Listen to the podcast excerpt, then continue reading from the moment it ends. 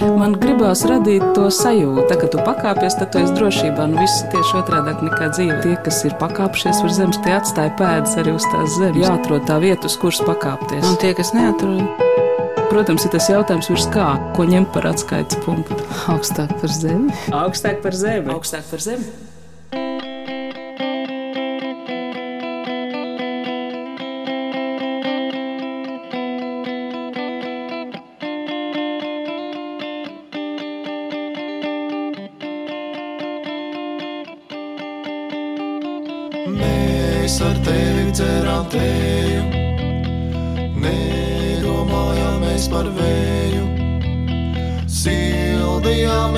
Rokas savas, turot plaukstās krūzes tavas.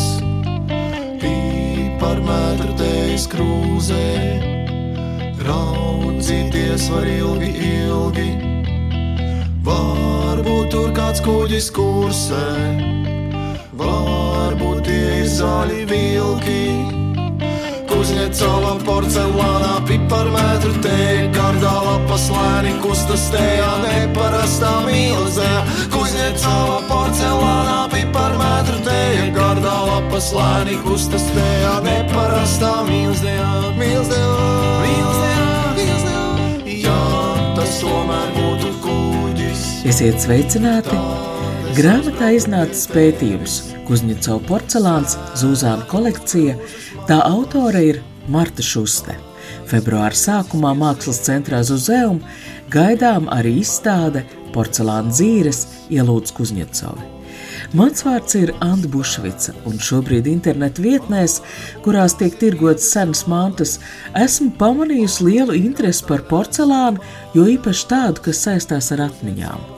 Kuzņecova, Jesen, arī daudz nesenākie Rīgas porcelāna fabrikas ražojumi tiek pārdoti, kā man šķiet, par nesamērīgām naudām.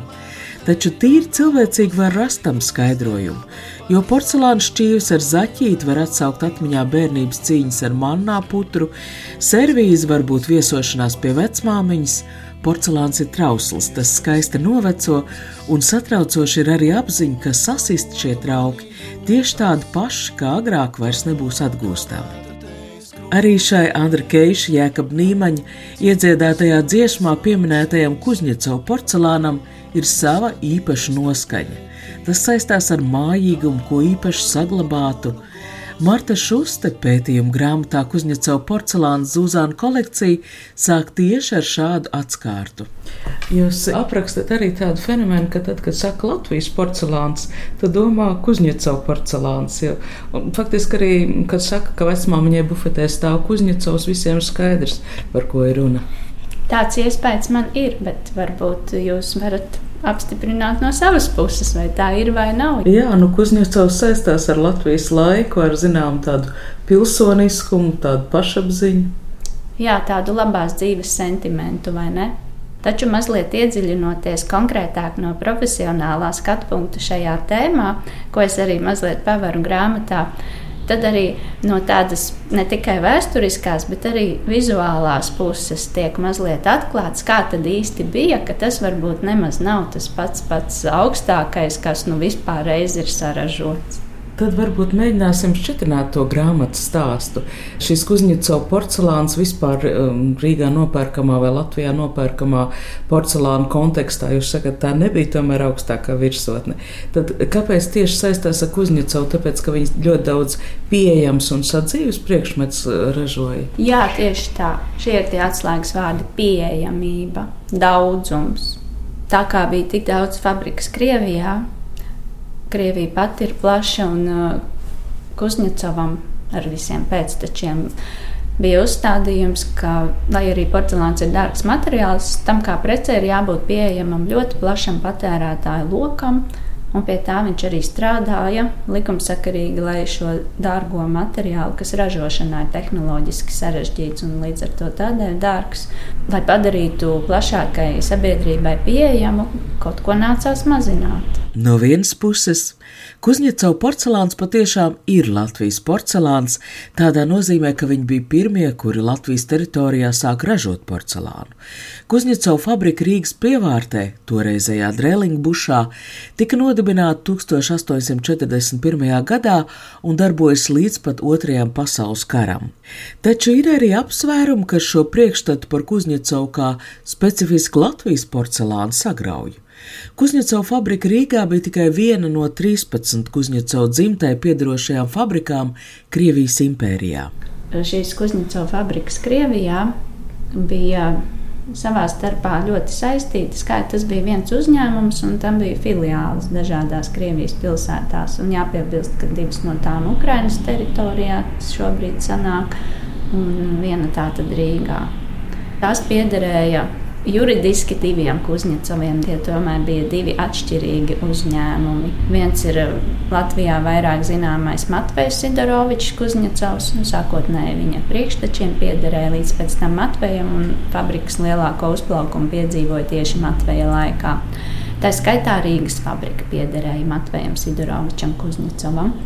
Un otrs atzars ir viņa brālēna Ivana Jemeļānoviča Kuzņecova, trīs porcelāna fabrikas kuras varbūt ir mazāk zināmas, tad attiecīgi uz zīmogiem ir burti IJ un Matveja Kuzņecova zīmogiem ir MS. Bet eh, produkcija, formas, pirmkārt, porcelāna ražošanā ļoti izplatīti formas aizgūt, ietekmēties vienai fabrikai no otras, un kopēšana mākslā ļoti ierasta praksa 19. gadsimtā. Tiem, kas vairāk zina mākslas vēsturi, visos mēdījos tas tā ir un tā pilnīgi normāla praksa, nekāda dizaina patenti kā mūsdienās pie kam porcelāna ražošanā izveidot jaunu formu ir ļoti sarežģīti. Tur ir ļoti ierobežots eh, formu veids, ko vispār ir iespējams no porcelāna atliekt. Tā ka vairāk vai mazāk tām ir jābūt līdzīgām ar dažādiem elementiem. Līdz ar to tika kopēti dažādi Eiropas paraugi. Un eh, vienas un tās pašas formas, vairāk vai mazāk ražotas visās Kuzņecovu fabrikās. Mēs, protams, Katrā no fabrikām veidojās savs lokālais rokraksts, kas atkarīgs no meistariem, kas tur strādā. Un teikšu tā no puķītēm, kas zied apkārt, jo burtiski tie stāsti klejo par Kuzņecovu, tika ņemti reāli ziedi, kas zied apkārt fabrikai. Tos fabrikas sievietes ar savām meitiņām, jā, mazgadīgām meitiņām, 6 līdz 10 gadi, kas nāca palīdzīgā, strādnieki strādāja paudzēs fabrikā. Nu, nebija viss tik skaisti, apstākļi nebija jauki, bet mēs paliksim pie skaistā stāsta. Gleznoja šo ziedus no realitātes. Un, jā, tātad katrai fabrikai kaut kāds lokāls rokrakstīns veidojās, kas šobrīd arī ir atpazīstams. Grāmatā Kuzņecova porcelāna zūzāna kolekcija Marta Šuste aprakstījusi visas Kuzņecova fabrikas filiāles, un arī zūzāna kolekcijā ir priekšmeti no visām fabrikām Mūsu saruna notiek Zuzāna kolekcijas krātuvē. Tomēr pirms doties pie stikla vitrīnām, es lūdzu Martu Šusti izstāstīt, kā var aizrauties ar porcelānu. Kā es aizrāvos ar porcelānu? Mazliet dziļāk pagātnē jāpalūkojas. Mana pirmā izglītība ir interjera dizains, un tas aizveda pie mākslas zinātnes, vēloties vairāk iepazīt vēsturiskos interjerus, taču tur es arī paliku. Bet uh, pētāmās tēmas visu laiku vilka uz vēsturiskajiem interjeriem, un to sastāvā ir ļoti daudz un dažādi priekšmeti, kā mēbeles, tā arī trauki un sienu grīdu apdares. Laikam, ka jāsaka tā, ka pieejamās darba vietas, kurās bija vakances un kurās es strādāju, tie ir vairāki Rīgas muzeji. Sakritību rezultātā aizveda mani tieši pie porcelāna. Kadreiz cilvēka rokās nonāk porcelāns, man šķiet, neviens nevar pret to palikt vienaldzīgs. Iespējams, kāds var, bet es vispār esmu cilvēks tendēts uz skaistām lietām, jebkādām, un nu, nokļūstot porcelāna pasaulē, burvībā un taustot ļoti daudz šos priekšmetus ikdienā, skatot, pētot, nu, neviļus šai pasaulē iekļūsti un nokļūsti porcelāna stāstu varā, jo katrs priekšmets strādājot muzejā ir jāatšifrē, jāatributē, jānosaka tā autors, ražotājs, nosaukums, iespējams stāsts, kā tas ir tapis. tādā veidā es esmu nonākusi pie secinājuma, ka porcelāns stāsta stāstus. Jāatzīst, ka porcelāna muzejā es mazliet mazāk strādāju tiešā veidā ar priekšmetiem. Es biju vairāk pētniecībā, bet turpat blakus vien es biju. Taču Zuzāna kolekcijā es tiešā veidā strādāju ar priekšmetiem, tos um, ikdienā aprūpējot, kārtojot, reģistrējot, saiņojot, tīrot, fotografējot, sajauktā secībā nosaucu, bet ļoti daudz šīs darbības ir jāveic, lai viņi tīri un skaisti un aprakstīti nonāktu plauktā. Zuzāna kolekcijā šobrīd ir priekšmeti gandrīz no katras Krievijas fabrikas. Mums šeit ir sakārtots plauktos chronoloģiskā secībā. Šajā vietā sākotnēji ir Ivana Jemeļānoviča fabrikas, Gruzinas fabrika, Volhovas fabrika un uh, būs viens priekšmets no Broņģicu fabrikas arī. Tālāk ir pati pirmā Matveja Zidoroviča Kuzņecova fabrika Duļevā, kam ir uh, liela saistība ar Rīgas fabriku tika atvesti darbinieki, un diezgan daudz tas stils tika pārņemts Rīgas fabrikā. Jau izcēnas keramikas ražošana Krievijā koncentrējusies Gžeļas reģionā, tas ir netālu no Maskavas, tā bagātīgo ražošanas izēju materiālu, kaolīna, ugunsizturīgā māla dēļ. Gžeļā savu uzņēmumu 1810. gadā nodibināja arī lauku kalējs Jakovs Kuzņecovs. Savukārt viņa dēls Terentijs uzsāka fabrikas paplašināšanu 1832. gadā. Tika atvērta Duļevas fabrika, kam sekoja Korotkovas fabrika, Rīgas fabrika bija trešā. To ķēngaragā, apmēram tagadējā tirdzniecības centra Akropola vietā, atvēra rūpnīcu tīkla dibinātāja Jako Kuzņecova jau mazdēls Sidors. Kāpēc Rīga? Rīgas osta bija Krievijas impērijas rietumu vārti, ērta vieta fabrikas produkcijas eksportam, izēvielu importam, taču līdzās šim praktiskajam apsvērumam nozīme bija arī tam, ka Kuzņecova bija vecticībnieki, un Rīgā tolaik bija plaša vecticībnieku kopiena. Arī pieņemot Kuzņecova fabrikās strādniekus, priekšroka tika dota vecticībniekiem.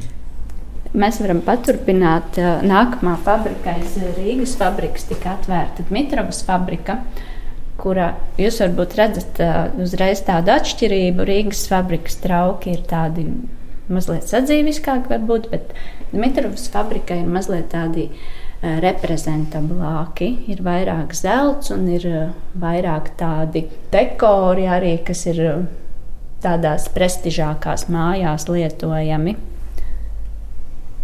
Un nākamā fabrika, kas ļoti atšķirās no pārējām, ir Tveras fabrika, kura turpināja fajansa ražotni un sākotnēji ražoja tikai fajansu, un pēc tam attīstīja tādu savu īpašu materiālu, kas krieviski dēvējams par opaku, necaurspīdīgais porcelāns. Viņiem ir saglabājies, kas arī šeit priekšmetiem ir redzams, tāds gan zemglazūras, gan virsglazūras interesants krāsu pludinājums un arī gleznojumi ar krāsainām glazūrām. Ļoti daudz figūriņas, gandrīz skulptūrāli veidojumi. Nu, tas, ko es redzu šajā plauktā.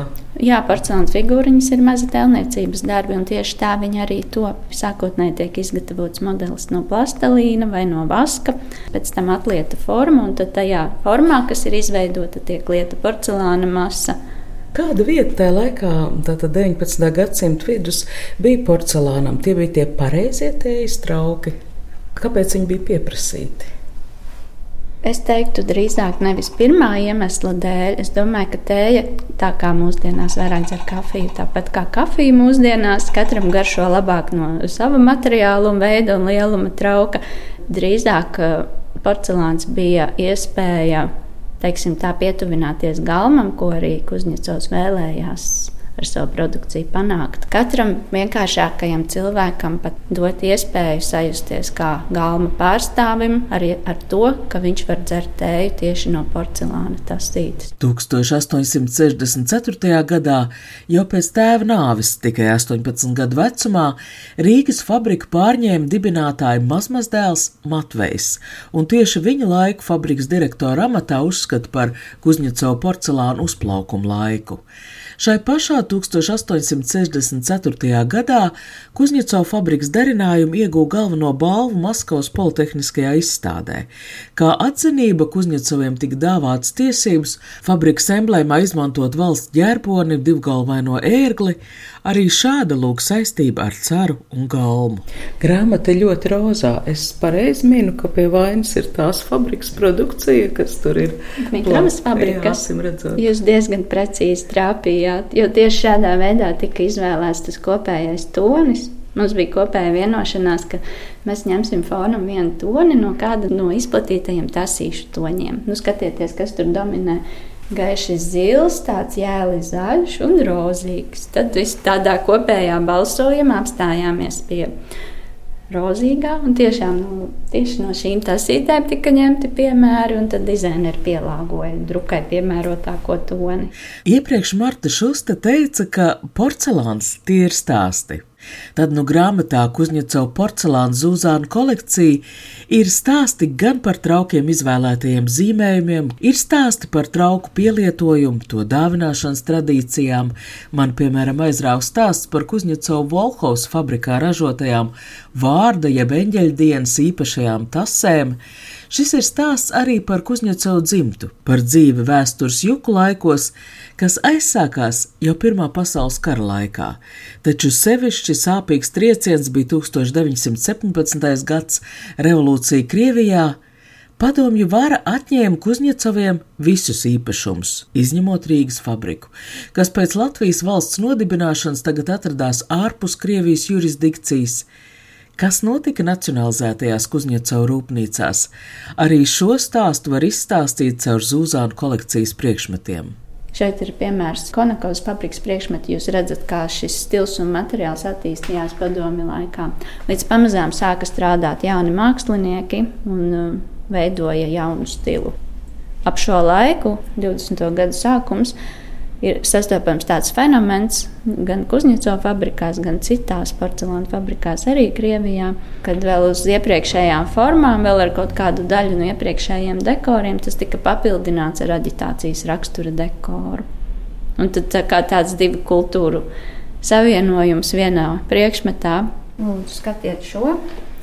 Ķīniešu porcelāns ar attiecīgi ķīniešu tērpos tērptām figūrām. Jā, viena no tēmām, kas bija raksturīga gan 19. gadsimtā, gan tika turpināta vēl starpkaru laikā. Tas pats stils, tā pati forma, bet paskatieties uz dekora sižetu. Ķīnieši izskatās pārģērbušies. Ak, Dievs, armijnieks spēlē harmoniku un ļaudis zemnieces tautas tērpos dejo. Jā. Tālāk es aicinātu turpināt stāstu pie Latvijas plauktiem. Viss šis plaukts ir veltīts starpkaru laikam Latvijā Kuzņecova fabrika. Arī mazliet chronoloģiski. Šeit ir pirmā pēckara produkcija, kas, kā jau es stāstīju, diezgan atkārto 19. gadsimta, tika izmantotas iepriekšējās formas un dekori. Tad šeit ir 20. gadi, kur vairāk tika ražots fajans tajā brīdī. Man ļoti interesants likās šis stāsts, kur Kuzņecova ģimene pēc viņu fabriku Krievijā nacionalizēšanas pārceļās uz Rīgu. Es iedomājos tos cilvēkus, viņiem tātad viņu pasauli ir gājusi bojā.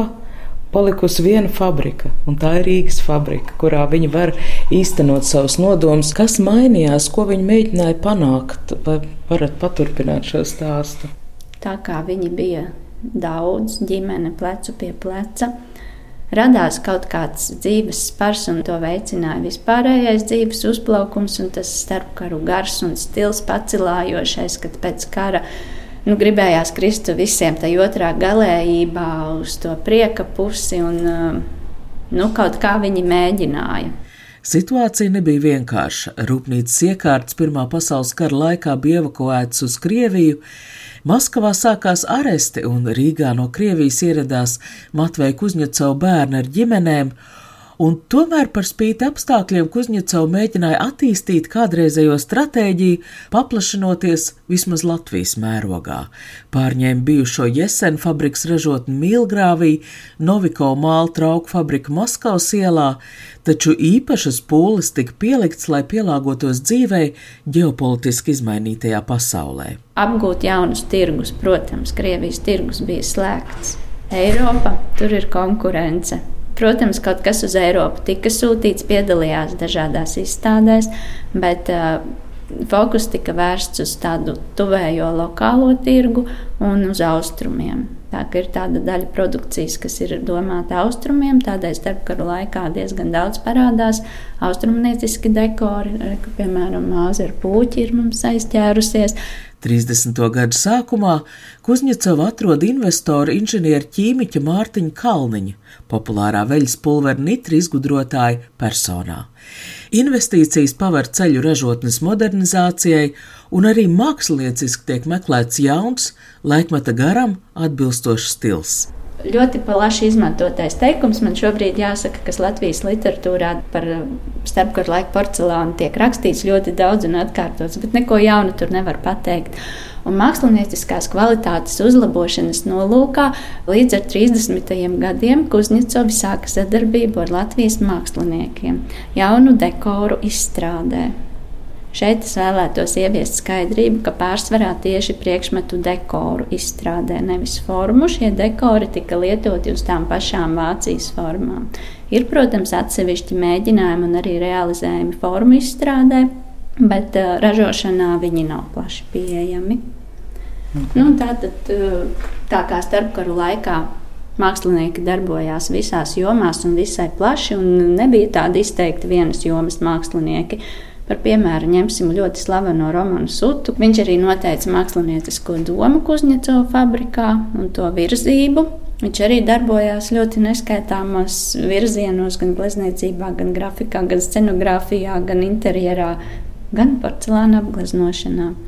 Viņa izveidoto porcelāna apgleznošanas darbnīcu Baltars domājums visi ir dzirdējuši, un šo stilu viņš mēģināja ieviest arī Kuzņecova fabrikā. Priekšmetiem ražošanai, protams, nebija tik sarežģīts apgleznojums piemērots. Tad tur tas tika vienkāršots un saskaņā ar laikmeta stilu, Kārļa Ulmaņa nacionālisma politiku, vairāk realistiskāki apgleznojumi ir sastopami uz Kuzņecova priekšmetiem. Taču strādāja arī vienkārši apgleznotāji, kas nebija mākslinieki. Tie bija šo mākslinieku skiču pārnesēji uz porcelāna priekšmetiem un arī veidoja paši savas kompozīcijas. Ir atsevišķi tādi vārdi, uzvārdi, kuru rokraksts un um, darbi attīstījās tādā pamanāmā, interesantā veidā, atšķirīgos rokrakstos. Vilis Vasariņš ir devis metus, Herberts Mangolds, Ansis Cīrulis, Tad pārējot pie apgaznotājiem, kuru rokraksti varbūt tādi īpaši izceļami, ir tā ir Olga Kataņeva, Elizabete jeb Jelizaveta Gegello, pirmajā uzvārdā Maļikova, Arkādijs Belokopitovs, tādas ļoti smalkas puķītes gleznoja, Nadiežda Boiko, Romāns Sutas rīkotajiem porcelāna apgleznošanas kursiem, kuros piedalījās arī liels skaits mākslinieču sieviešu, bija vēl kādas tālajošas sekas. Lietišķā māksla bija joma, kurā sievietēm bija lielākas iespējas sekmīgi izpausties kā māksliniecēm, pat ja viņu vārdi netika mākslas vēsturē ierakstīti zelta burtiem.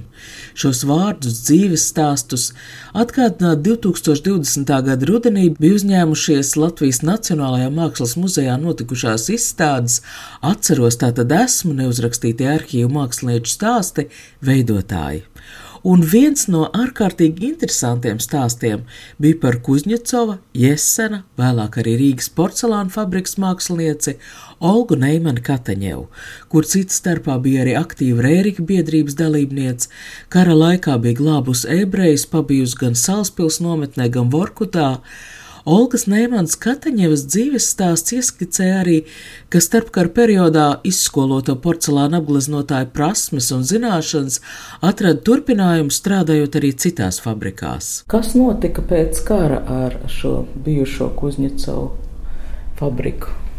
40. gadā fabrika tika nacionalizēta tieši tāpat kā iepriekš Krievijas fabrikas. Nonāca Padomju Savienības īpašumā. Un sākotnēji tās nosaukums bija Rīgas keramikas fabrika. Turpināja ražot uh, pēc ierastajām formām un strādāja tie paši mākslinieki. Līdz 50. gadiem Latvijas Mākslas akadēmija absolvēja pirmās keramiķes, kuras ienesa pilnīgi jaunas vēsmas un jaunu stilu Rīgas porcelāna rūpnīcā, kā pirmo minēšu Zinu Ulsti, kas ir pati pirmā un galvenā Rīgas porcelāna rūpnīcas māksliniece. Nu, kopā ar savām kolēģiem tika veidotas jaunas formas un dekori un uh, atvērta pilnīgi jauna lapus Rīgas porcelāna vēsturē. Es jau turpinu just līdz Kuzņecovu ģimenei. Kas ar viņiem notika? Vai jūs uzturat varbūt kaut kādas sakars ar pēcnācējiem? Vairākiem no viņiem bija ļoti bēdīgi un traģiski likteņi, vairāk emigrēja. Vairāk šie kontakti tiek mēģināti uzturēt porcelāna muzejā, kur Man ir jāpiemina porcelāna muzeja speciāliste Māja Nikītina, ar kuru es ļoti labprāt sadarbojos tieši dzimtas jautājumā, jo viņai ir interese par to, viņa tam ir pievērsusies. Viņa ir izveidojusi Kuņģa dzimtas koku vizuālā formātā, ko esam arī izmantojuši grāmatā. 1941. gada 14. jūnijas - sāpju diena daudziem latviešiem. Šai dienā uz Sibīriju tika deportēti arī deviņu Kuņģecovu ģimenes locekļi, arī fabrikas līdzīpašnieks Mārtiņš Kalniņš ar ģimeni. Vēl divi Kuņģecovu centrāla cietumā tika nošauti gadu iepriekš, vāciešiem tuvojoties Rīgai. Dzīvi palikušie vai represijas pārcietušie ģimenes locekļi Rīgā atgriezās tikai pagājušā gadsimta 50. un šobrīd Kuzņecau dzīvo gan Rīgā, gan Krievijā, gan Amerikas Savienotajās valstīs, gan Austrālijā, uzturot sakars ar Rīgas porcelāna muzeju, turpina godāt un kopt savus dzimtas vēsturi. Jā, tas tomēr būtu es aizbrauktu pie tevis, sēdētu uz krūzes malas, kājas pievilcis pie sevis. Skarbie un traģiskie stāsti ir esā kontrastā ar to, kas Kuzņecau porcelāns mums ir šodien. Arī ar tapušajā pētījumā Kuzņecau porcelāna zūzāna kolekcija fotografijās uzburto grezni vai kičīga porcelāna pasaule ieskicēšu varbūt mazliet pagātnē to stāstu, kā aizsākās Kuzņeco projekts. Patiesībā tas mums tā kā virmoja jau gaisā kolekcijā noritēja reģistrācijas sakārtošanas intensīvs process, diezgan daudz vēl bija darāmā, bet kaut kur gaisā bija doma, ka vajadzētu sākt kaut ko parādīt un sākt ar to Kuzņeco porcelānu. Līdz mūsu uzrunāja Tukuma muzejs ar aicinājumu veidot izstādi Durbas pilī. 19. gada nogalē mūs uzrunāja 20. gada janvārī atvērām izstādi, kas Durbas pilī ilga divus gadus. Un uz šī bāzes, sagatavotā materiāla bāzes, kolēģi mani mudināja, ka to vajadzētu tomēr iemūžināt. Sākotnēji iecerētā tāds ļoti schematiskais katalogs izauga par šādu lielu grāmatu, pateicoties redaktorē Lilitai Vaingārnerei, kad viņa ķērās pie darba, viņas personiskā interese Kuzņecau priekšmetos un stāstos, un tās redaktoras tvēriens lika to visu pavērst mazliet plašāk un interesantāk. Topošā izstāde būs paplaš, vēl paplašinātāks grāmatas stāsts. Mākslas centrā Zuzeuma gaidāmajā izstādē būs tikai Zuzānu kolekcijas priekšmeti, taču daļa tiks pārstāvēta attēlu veidā, līdzīgi kā tas ir grāmatā. Mūsu sarunas noslēgumā es uzdevu Martai Šustē šo jautājumu: kāpēc Kuzņecau porcelāna izpētē notiek koncentrēšanās tieši uz Zuzānu kolekciju?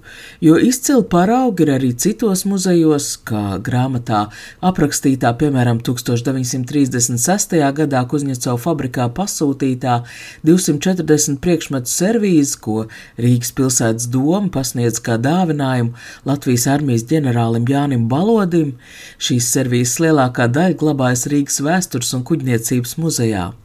Rīgā gal galā ir arī porcelāna muzejs, Marta Šuste palīdz man šo sarakstu turpināt. Arī Jūgenstila muzejs ir savāds izcilu Kuzņecau porcelānu kolekciju, taču visos minētajos muzejos lielākoties tie esot dāvinājumi. Reizēm arī vērtīgi un interesanti, taču nemērķiecīgi vākti priekšmeti. Un, ja mēs vēlamies izzināt visu Kuzņecovu porcelāna fabrikas filiāļu vēsturi, tad Zūzāna kolekcija ir šāds mērķiecīgi veidots krājums, Tagad iepazīstams grāmatā Kuzņecova porcelāns Zūzāna kolekcija, kā arī izstādē porcelāna dzīves ielūdz Kuzņecovi, kas mākslas centrā būs skatāma no 10. februāra līdz pat augusta sākumam. No jums atvadās šī raidījuma veidotāja, ar jums sarunājās Anda Buševica, par šī raidījuma skaņu gādāja Valdis Raitums.